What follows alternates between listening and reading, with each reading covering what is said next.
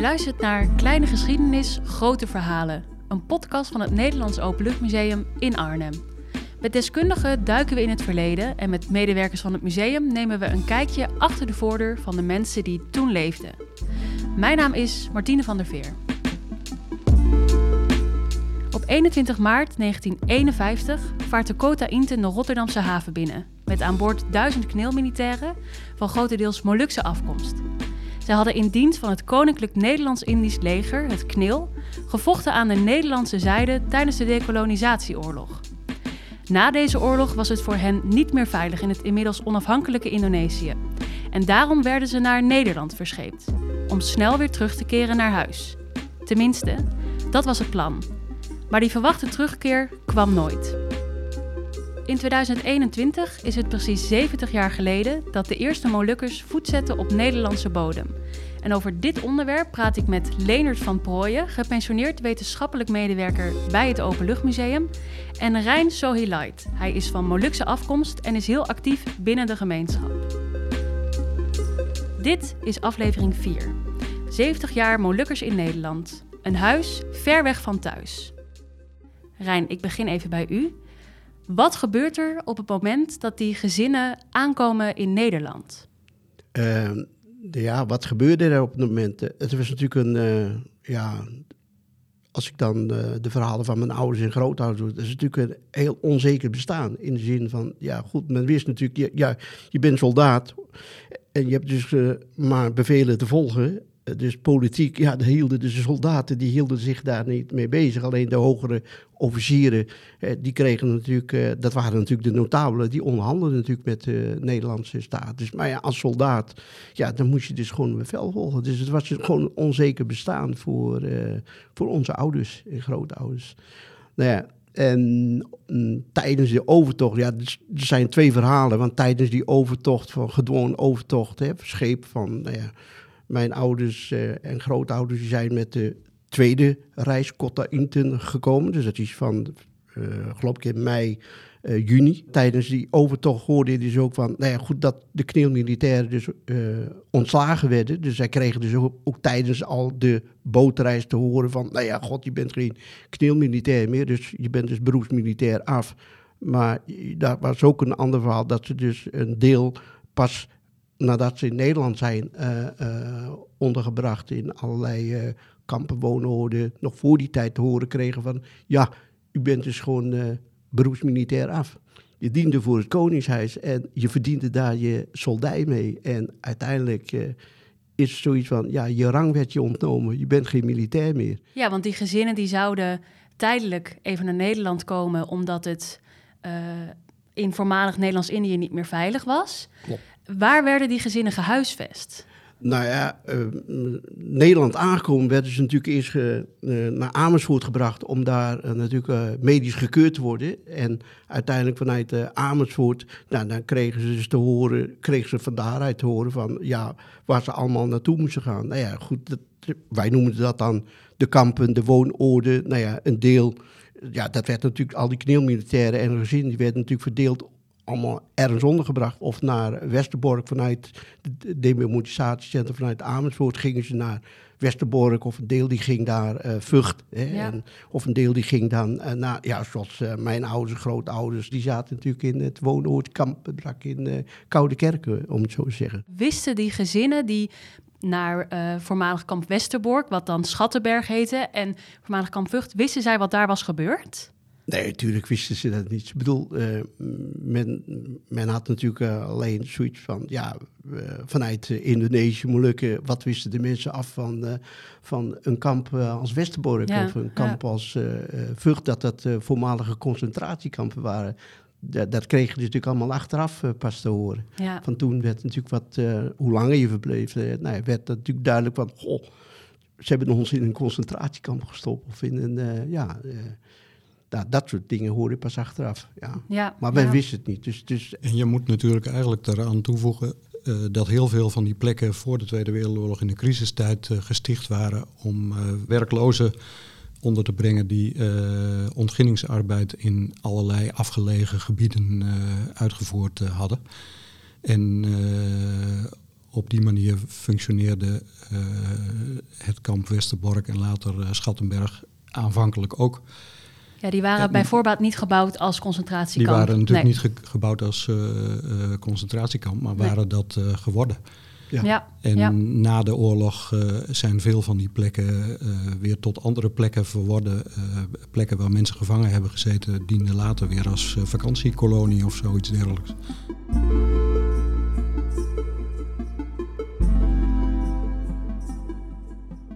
Rijn, u zei het al even, u bent opgegroeid in Zeeland, in een barakkenkamp.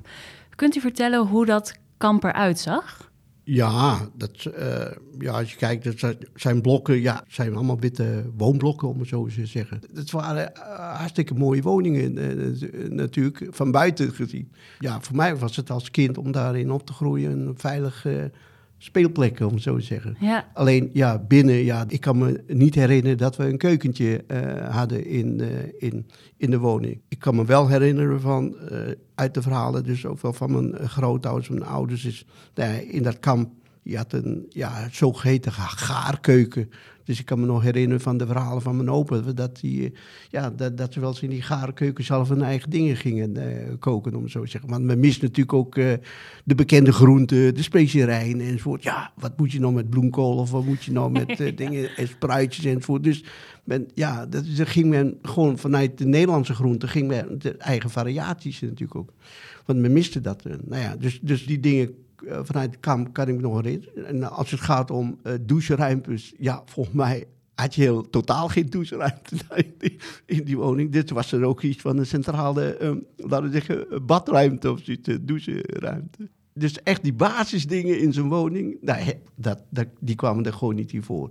En, nee, hadden, jullie dan ook stapelbedden in jullie woning? We hadden ook stapelbedden. En het enige enige wat ik mij dan nog uh, kan, uh, kan herinneren, dat is gewoon een kleine woonruimte. Ik weet niet hoeveel vierkante meter, maar ik kan me nog alleen maar die goed. En uh, dat komt dus natuurlijk in, de, zeg maar, in relatie met het moeilijks Barak, het Openluchtmuseum staat. Dat komt mij wel helder in geven. Want ja, ik zag ze alleen maar gordijntjes en daar sliepen dus mijn ouders. Ja, het is natuurlijk wel, ja, dat zeggen het gaat om privacy en, en, en de ouders. Ja, ja, die dingen die haalde ik me nog voor de geest. Ja, en ik, heb dus daar, ja, ik ben er zelf geboren natuurlijk. En ik ben daar tot uh, 62, ja, vanaf, ik ben van 54, 62 uh, daar gewoond, om het zo te zeggen. Dus uw jeugd is eigenlijk aan de ene kant, was het als kind best veilige omgeving om daar op te groeien. Maar ook, ja, toch wel meer verdrietige herinneringen daar ook. Ja, dat, dat, ook, uh, dat, dat, ook omdat je natuurlijk ook... Uh, ja, mijn ouders die spraken daar nooit over. Over natuurlijk hoe zij dat ervaren hebben van... De tocht, de, nou ja, goed, het werk, nou ja, het verblijf in Nederland. nou ja, drie, drie maanden zouden ze dan verblijven met allerlei ja, staatszorg. Dus ja, over, ja, mijn ouders die spraken daar nooit over. Nee, nee. Mijn groot, ik, nou, ik heb mijn grootouders gelukkig nog gekend. En mijn opa's die hebben mij meer verteld dan, laten we zeggen, mijn eigen ouders, om zo te zeggen. Ja.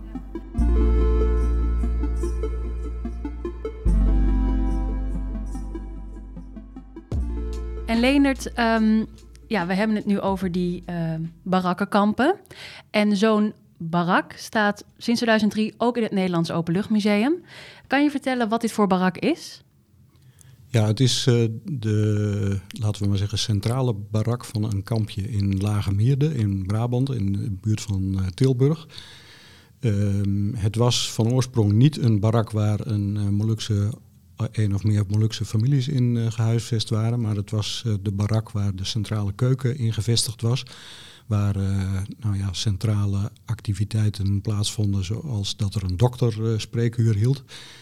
En in een deel van de barak woonde de Nederlandse kampbeheerder. Want de hele organisatie van die huisvesting was in handen van een, een Nederlandse overheidsdienst. En die had beheerders in dienst die nou ja, de, de leiding van dat kamp hadden. Ja, en hoe zijn jullie aan die barak gekomen? In 2001, in januari 2001, zo lang ken ik Rijn, kwamen er twee heren uit Arnhem van een welzijnsorganisatie bij de directeur van het Openluchtmuseum, Jan Vaassen, op bezoek. En Jan die zei, Leendert, je moet er ook eens even bij komen zitten. Want dit wordt een heel interessant gesprek. En toen kwam Rijn met de opmerking, ik vind, wij vinden dat er een barak in het Openluchtmuseum moet komen. Want wij zijn hier al 50 jaar als Molukse gemeenschap en wij horen bij de Nederlandse samenleving. En dat zou heel mooi gematerialiseerd kunnen worden in de vorm van een uh, woonbarak om dat verhaal te vertellen hoe wij hier gekomen zijn. De filosofie van het museum is dat we geen uh, gebouwen afbreken die niet afgebroken hoeven te worden. Dus het was zoeken naar een barak waar een sloopbeslissing voor genomen al was. we hebben in, op allerlei plekken in het land gekeken op vliegveld Teugen. Maar ja, die barakken die hadden muren van twee meter dik, dus dat was een beetje uh, lastig. We zijn, uh, ik ben zelf in Koudekerken uh, geweest. Dat wist niet dat Rijn daar gewoond had, maar die betonnen gebouwen heb ik daar ook gezien. Maar die werden niet afgebroken, want dat was nog steeds een vakantiepark. En vervolgens kwam John Meulenbroeks uit Lage Mierde. iemand die heel actief met geschiedenis bezig is, vooral die van de Tweede Wereldoorlog, die kwam ons melden dat op een plek in Lage Mierde een barak stond die afgebroken zou gaan worden. Dat is uiteindelijk onze barak geworden. En eigenlijk was vanaf het begin al duidelijk dat dat uh, dat het aan de ene kant heel jammer was dat het niet een woonbarak was. En aan de andere kant, doordat zich daar verschillende functies uh, verenigden, dat je daar een heel uh, divers verhaal kon vertellen. En ja. zo is het gekomen.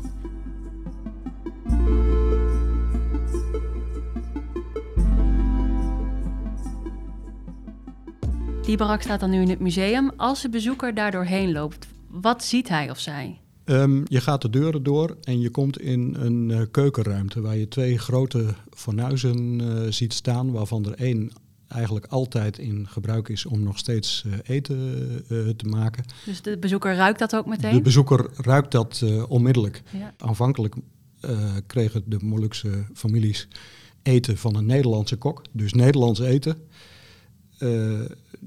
helemaal niet uh, wat ze lekker vonden, maar uh, eten wat de pot schaft. Nu ruik je de geuren van allerlei Indische gerechten. Vervolgens loop je naar een, het gedeelte waar een grote Molukse familie gehuisvest is. Daar zie je een inrichting in met hele kenmerkende dingen, zoals muziekinstrumenten. je ziet daar een bagagekist staan uh, je ziet daar uh, militaire uniformen hangen. Dan sla je de hoek om. Dan kom je in een ruimte waar uh, drie filmportretten zijn. die alle drie te maken hebben met de treinkaping uit de jaren 70. Dan kom je langs het kantoor van de kampbeheerder. En vervolgens kom je in de woonruimte waar de familie van die Nederlandse kampbeheerder woonde. En waar de vrouw van de kampbeheerder je welkom heet en waar je ook nog even een kijkje in de slaapkamer neemt. Ja, ja. Was die gemeenschap nou heel erg ja, afgeschermd van de Nederlandse gemeenschap of was er ook sprake van uitwisseling? Ja, dat hangt van, van, van welke woonoord of kamp je zit. Maar volgens mij zijn de meeste uh, kampen, woonoorden, die zijn vrij geïsoleerd. Ja, mijn observatie van ja, waar die kampen gelegen hebben, ja, die zijn vrij geïsoleerd natuurlijk van de Nederlandse samenleving. Want ja, uh, het punt is natuurlijk van, het ging om een tijdelijk verblijf. Uh, drie maanden, dus mijn ouders mochten niet werken, al die grootouders mochten niet werken.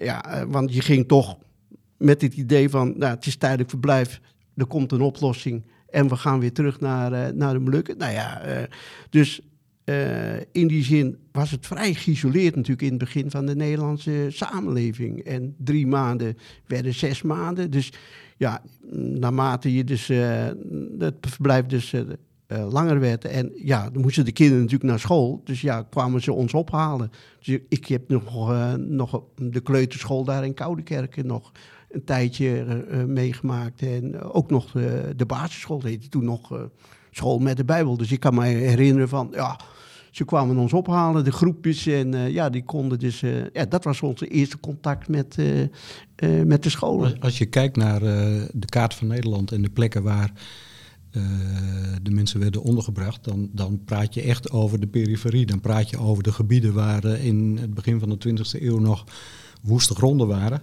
En als je kijkt naar het, de plek in Lage Mierde, de mensen moesten naar Tilburg om en naar de kerk te gaan. Want de groep die in het katholieke Lage Mierde terecht kwam, was een protestantse groep. Nou, er was helemaal geen protestantse kerk, dus als ze naar de kerk wilden, moesten ze naar Tilburg. En als je ja, wat bijzondere dingen voor het eten wilde hebben, dan moest je ook verder weg. Ja, door de, de geografische situatie eigenlijk ver van allerlei dingen vandaan.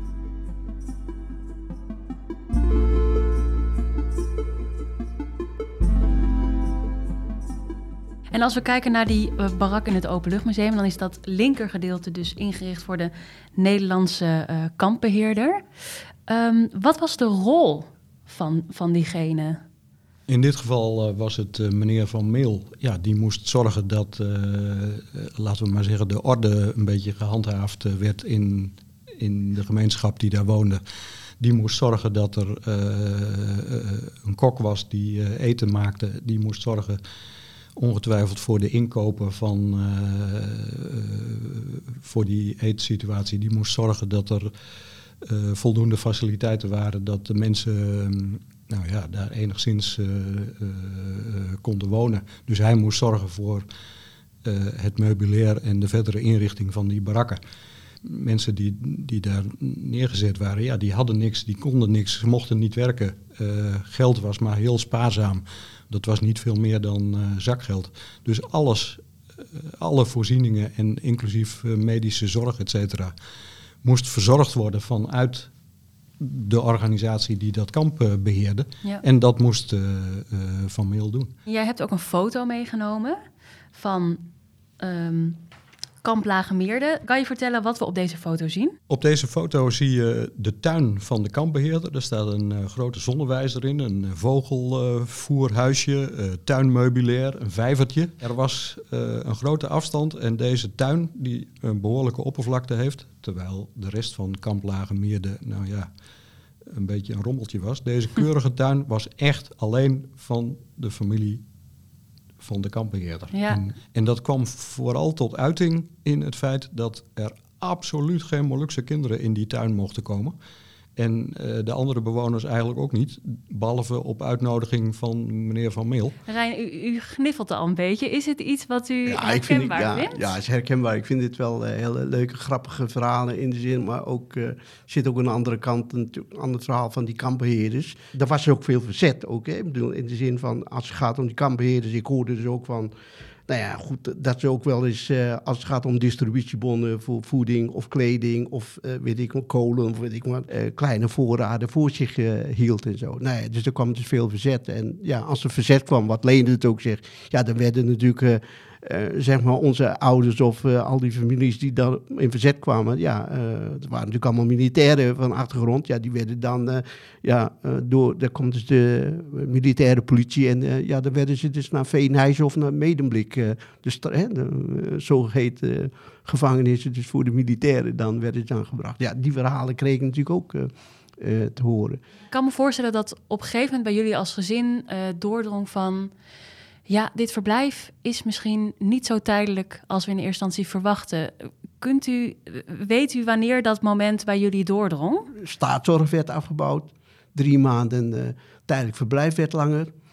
Uh, nou ja, uh, zes maanden, uh, op jaren 60, toen kwamen natuurlijk de eerste woonoorden. Dus vanaf 62, Koude Kerken, werden een aantal woonoorden, dus ook voor de Molukse, gezinnen in Zeeland dan ja, en dan uiteindelijk in 62 dan kwamen wij, konden natuurlijk konden de gezinnen kiezen. En ja, soms willen ze helemaal niet buiten Zeeland gewoon.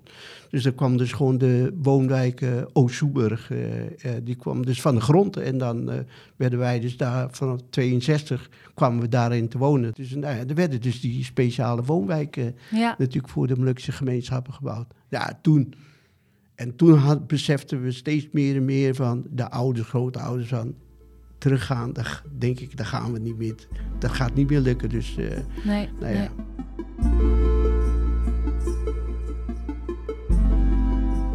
En als je verhalen hoort van uh, Molukse gezinnen, dan is er één element wat heel vaak terugkomt. Dat is een, uh, een kist of een koffer die naast het bed staat.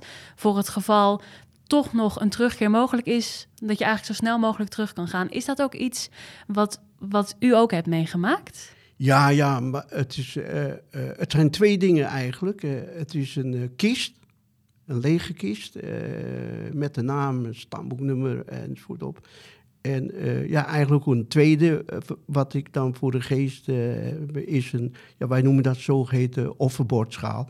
Piring Natsar, in elk gezin komt dat in voor. Dus in mijn beleving van grootouders, ouders, een kist met lege spullen mm -hmm. en een offerbord in de slaapkamer. Dus ja, dat, dat kan ik me voor de geest halen. Ja. En als ik dan uh, die kist open doe, uh, dan zie je dus gewoon nog steeds lege kleding, uh, gasmasker, een bionet. Joh, staat klaar. Als we teruggaan, dan, eh, nemen we, dan kunnen we weer terug.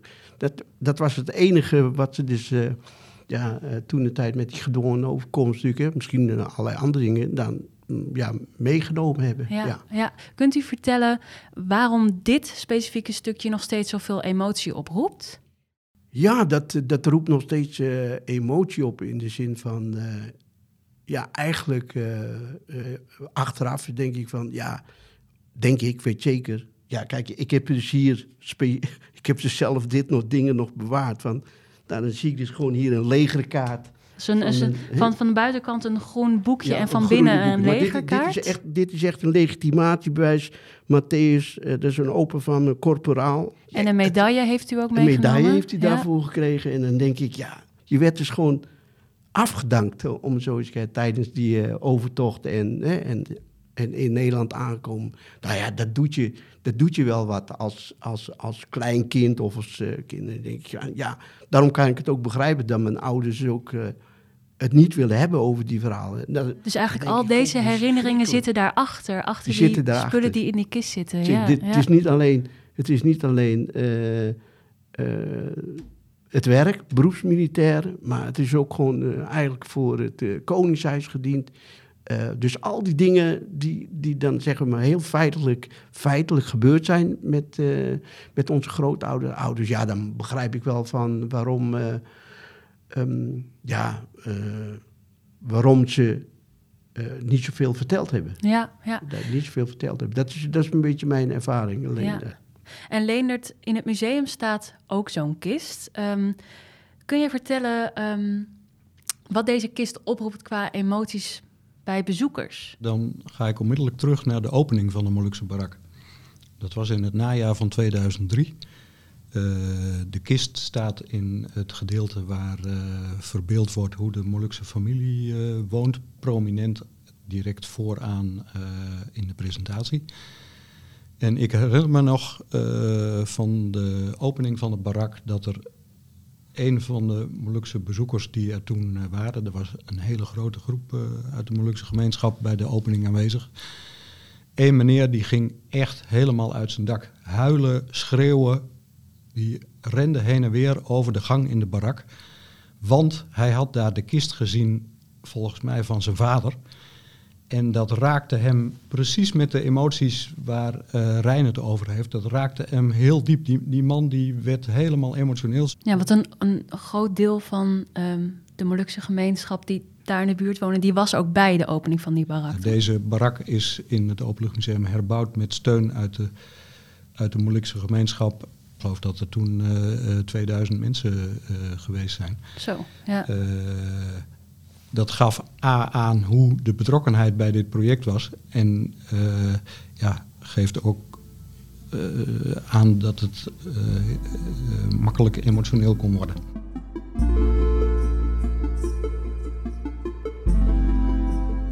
Maar niet alle reacties van bezoekers die een bezoek brengen aan die barak was positief, toch? Nee. Um, bij de opening natuurlijk wel. Uh, maar gaande het seizoen, gaande het najaar van 2003, uh, bleken verschillende medewerkers die we toen hadden van Molukse herkomst uh, heel onheus bejegend te worden door bezoekers die geen flauw idee hadden, geen enkel idee hadden van die Molukse geschiedenis. En die alleen maar zich herinnerde dat er twintig jaar eerder kapingsacties geweest waren en gijzelingsacties door mensen uit de Molukse gemeenschap om aandacht te vragen voor de Molukse zaak en voor de, ja, de manier waarop hun uh, ouders en grootouders behandeld waren. En de medewerkers in die presentatie werden daarop aangesproken. En eigenlijk was de vraag van, wat moeten jullie hier? Hm. Hoepel op. Ja, en hoe pak je dat dan aan als museum? Want kijk, deze geschiedenis is natuurlijk heel ingewikkeld, ligt heel gevoelig. Aan de ene kant, als we kijken naar wat er 70 jaar geleden is gebeurd, zijn er heel veel mensen die nu zeggen van, nou, hoe de staat met de Molukkers is omgegaan, daar zijn fouten gemaakt. Aan de andere kant heb je dan die treinkapingen en de gijzeling op een basisschool en het provinciehuis in Assen. Hoe ga je als museum om met zo'n ingewikkelde, gelaagde en gevoelige geschiedenis? Um, in elk geval, um, uh, in het geval van bezoekers die daar uh, nou ja, bijna agressief op reageerden, uh, met uitleg over wat er nou daadwerkelijk gebeurd was. Want mensen hebben heel vaak geen enkel idee. Er werd ook in het geschiedenisonderwijs in de jaren 50 en 60 helemaal geen aandacht aan deze kwestie besteed en helemaal geen, geen verhaal verteld over hoe, wat toen gezegd werd, de Ambonezen in Nederland terechtgekomen waren. En toen is uh, in overleg uh, met een aantal partijen, onder andere, en zeker niet de minst belangrijke, ook de Molukse gemeenschap, van wij willen eigenlijk de presentatie die vanaf het begin bedoeld was om te laten zien hoe de mensen gehuisvest werden direct nadat ze hier gekomen waren, uh, is, is het omgebouwd tot een verhaal waarin de tijd een beetje doorgetrokken werd, op zijn minst tot in de jaren zeventig en eigenlijk naar de, de actualiteit toe. En is er in een van de ruimtes een presentatie toegevoegd waarin drie mensen vanuit hun eigen invalshoek uh, vertellen over die acties. En dat gaat om een treinkaper die geïnterviewd is, iemand die als passagier in die trein zat en Rijn Sohilaid die met een soort helikopterblik dat verhaal duidt. De, het verhaal duidt ja. en de twee werelden weer aan elkaar knoopt. En dat betekende uh, dat de reacties nadien eigenlijk uh, genuanceerder werden. Uh, A, er was aandacht voor die acties, dus de groep die vond dat het schandalig was dat er geen aandacht aan besteed werd, die was bediend. En aan de andere kant is het een, ja, een heel uh, afgewogen en gebalanceerd verhaal, want de, de twee kanten van het verhaal, die allebei even waardevol zijn, die, die komen allebei aan bod. En Rijn, ziet u ook een verandering in de publieke opinie als het gaat over de geschiedenis van de Molukse gemeenschap? Ja, uiteraard. Uh, kijk, zeker nu uh, als je dus kijkt ook van uh, nou ja, de lokale Molukse organisaties en hun belangenvertegenwoordigers, die kregen meer verantwoordelijkheid om iets met die gemeenschapsontwikkeling te doen, maar ook om een soort brugfunctie te vervullen naar de lokale Nederlandse samenleving, om daarmee samen te werken. Dus dat, dat is één. Nou ja, we zijn nu 70 jaar verder, om zo te zeggen. Nou ja, en er komt steeds meer boven water als het mm -hmm. gaat om wat is er gebeurd. Eh, dekolonisatie gebeuren. Je, je ziet, je, volgens mij komt er in februari volgend jaar het onderzoeksrapport uit over dekolonisatie Nederlandse Indië, de andere kant uh, van het verhaal. Je ziet dus dat er steeds meer aandacht is voor, ja, wat is er uiteindelijk werkelijk gebeurd, andere verhalen. En ja, dat moeten we boven water zien te krijgen. En uh, zodat je dus ook in de zin van historische feiten, andere historische feiten, andere perspectieven, ook uh, ja, daar meer aandacht aan wordt besteed. In de zin van uh, Nederland, Indonesië, nu Molukkers. Ja, hoe ging dat natuurlijk ook weer? En het is niet zo van dat je alleen maar de geschiedenis, hè, ook het gaat voor de nieuwe generatie, derde, vierde, vijfde generatie, hè, dat, dat ze voortdurend op zoek zijn naar juist die verhalen. Maar het is dus ook voor ja, het is een onderdeel van de Nederlandse geschiedenis. Dus het hoeft niet alleen maar verteld te worden binnen je eigen uh, gemeenschap. Dus ik vind het belangrijker ook dat het dus ook buiten je eigen gemeenschap. Nou ja, en, en dat maakt het alleen maar uh, uh, goed om dan beter om het verhaal ja, uh, breder te kunnen uh, vertellen, om zo te zeggen. Ja. En dan met zo'n locatie of met samenwerking met een openluchtmuseum, ja, dat, je, dat is er één voorbeeld van. Maar ik, je ziet dus ook van uh, dat, dat niet alleen openluchtmuseum is, nationaal, maar je ziet dus ook steeds meer lokale Molukse organisaties, zie je steeds meer de samenwerking ook op lokaal niveau met Nederlandse organisaties. En per wijk, per Molukse gemeenschap verschilt dat, maar ja, dan moet je gelukkig zijn. Dus uh, dan moet je dus echt uh, ja, blij zijn dat, dat dit soort dingen dus al een hele tijd aan de gang is. Maar ja. dat wordt vaak vergeten, omdat men natuurlijk altijd gefocust is op het landelijke. Maar men, men is weinig gefocust op hey, de lokale ontwikkelingen ook. En, ja, en dat gebeurt van alles. Ja, dus ja. Dat, daar ben ik wel blij mee. En daar proberen we als Openluchtmuseum ook eh, op in te haken en, en actief eh, in te participeren. Eh, sinds een paar jaar heeft het Openluchtmuseum een samenwerkingsovereenkomst met de stichting Anna Oepoe uit Lunteren.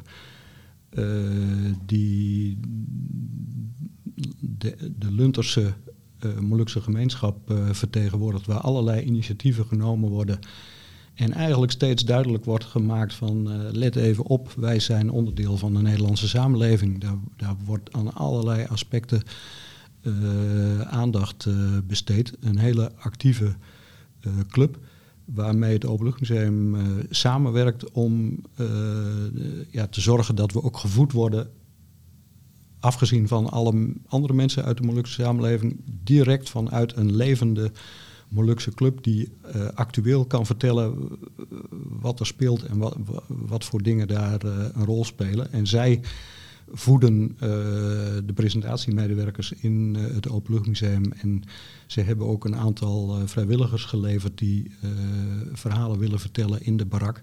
En omgekeerd zijn medewerkers van de barak in Lunteren geweest om te kijken van wat betekent het nou eigenlijk om als iemand met Molukse achtergrond in uh, een gemeenschap als Lunteren te wonen. En wat voor voorzieningen zijn daar en hoe gaan mensen met elkaar om en wat, wat, wat leeft daar eigenlijk. Ja. ja, dus ook die barak zelf uh, evalueert eigenlijk hoe je daar het verhaal vertelt en wie daar werkt. Ja, Precies, en zo moet het Openluchtmuseum natuurlijk ook werken. Het is niet statisch, uh, de ontwikkelingen gaan door en er komen nieuwe impulsen en die zorgen weer voor, voor vernieuwing van zo'n presentatie. Dus ik, er zullen ongetwijfeld uh, de komende jaren onderdelen van de, de barakpresentatie verder doorontwikkelen. Ja, ja. Nou, dat lijkt me een mooi einde. Bedankt Leonard van Prooijen en Rijn Sohilight.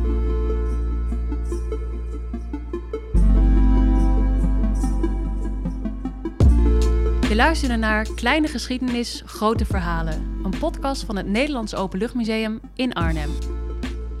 In het museum sta je oog in oog met de Nederlandse geschiedenis en ontdek je de verhalen uit deze serie. Vind je dit een leuke podcast? Abonneer je dan, want er komen nog meer afleveringen. En laat een recensie achter, want dan kunnen anderen ons ook sneller vinden.